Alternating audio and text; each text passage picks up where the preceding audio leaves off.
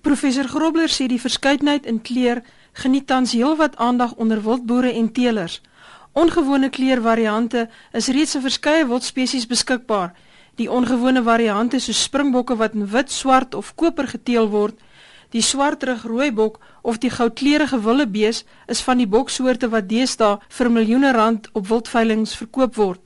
Grobler sê die nuwe gier hou geen voordele vir bewaring en biodiversiteit in nie, maar wel om baie geld te maak.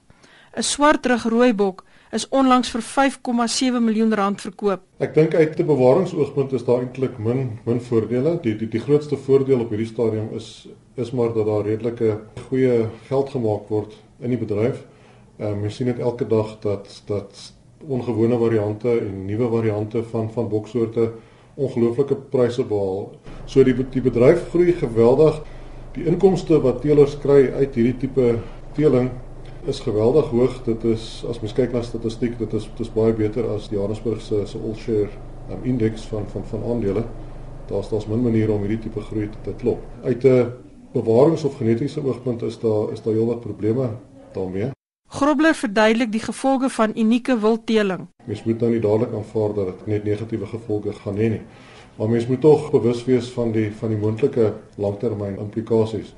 As 'n mens kyk na die die manier waarop hierdie dinge gebeur, dit is tog 'n gewone eienskap wat skaars is in 'n bevolking. So mens moet verstaan dit is nie dis nie iets wat nooit daar was nie. Al hierdie variante wat ons nou sien was waarskynlik maar altyd in bevolkings in in baie lae frekwensies.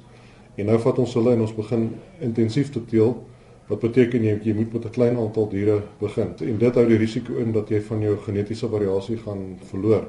En as mens daarna kyk, dan is daar 'n paar implikasies en vir my is die, die grootste implikasie is moontlike aanpasbaarheid. Omgewingsomstandighede is nie konstant nie en mens moet vra of bevolkings of nuwe forme wat 'n klomp van hulle diversiteit verloor het, nog die onderliggende variasie gaan hê om aan te pas as as omstandighede sou verander. Tog sê Grobler inteling is nie net negatief nie. Daar's 'n paar mooi voorbeelde waar mense ek wil sê weggekom het met met inteling.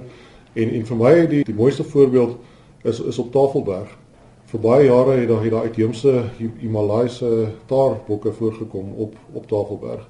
En hierdie diere het daar gekom toe 'n paar van die taars ontsnap het uit die uit die groot skuur dieretuin. En hulle het vreeslik goed gedoen op op Tafelberg. So so so goed dat 'n hulle aangeteel het tot omtrent 600 diere en en en uitgeskiet moes word want hulle die die inheemse implante groei begin bedreig. Maar die interessante deel van daai storie is dit is net twee diere wat wat ontsnap het. 'n Mannetjie en 'n wyfie wat so aangeteel het en er, en daar was nie sover ons kan sien enige negatiewe gevolge nie. Maar dit gaan nou weer terug na na aanpasbaarheid. Ons ons moet baie versigtig wees as ons sê daar was nie negatiewe gevolge nie want hulle het in 'n 'n redelik konstante omgewing gebly en gefloreer. 'n Balans tussen doelwitte van bewaring en volhoubare wild moet gevind word. Navorsing aan die IVE se departement genetika poog nou om die genetiese effek van intensiewe teeling in wild vas te stel en ook die invloed op biodiversiteit te voorspel. Ek is Marina van Wyk in Bloemfontein.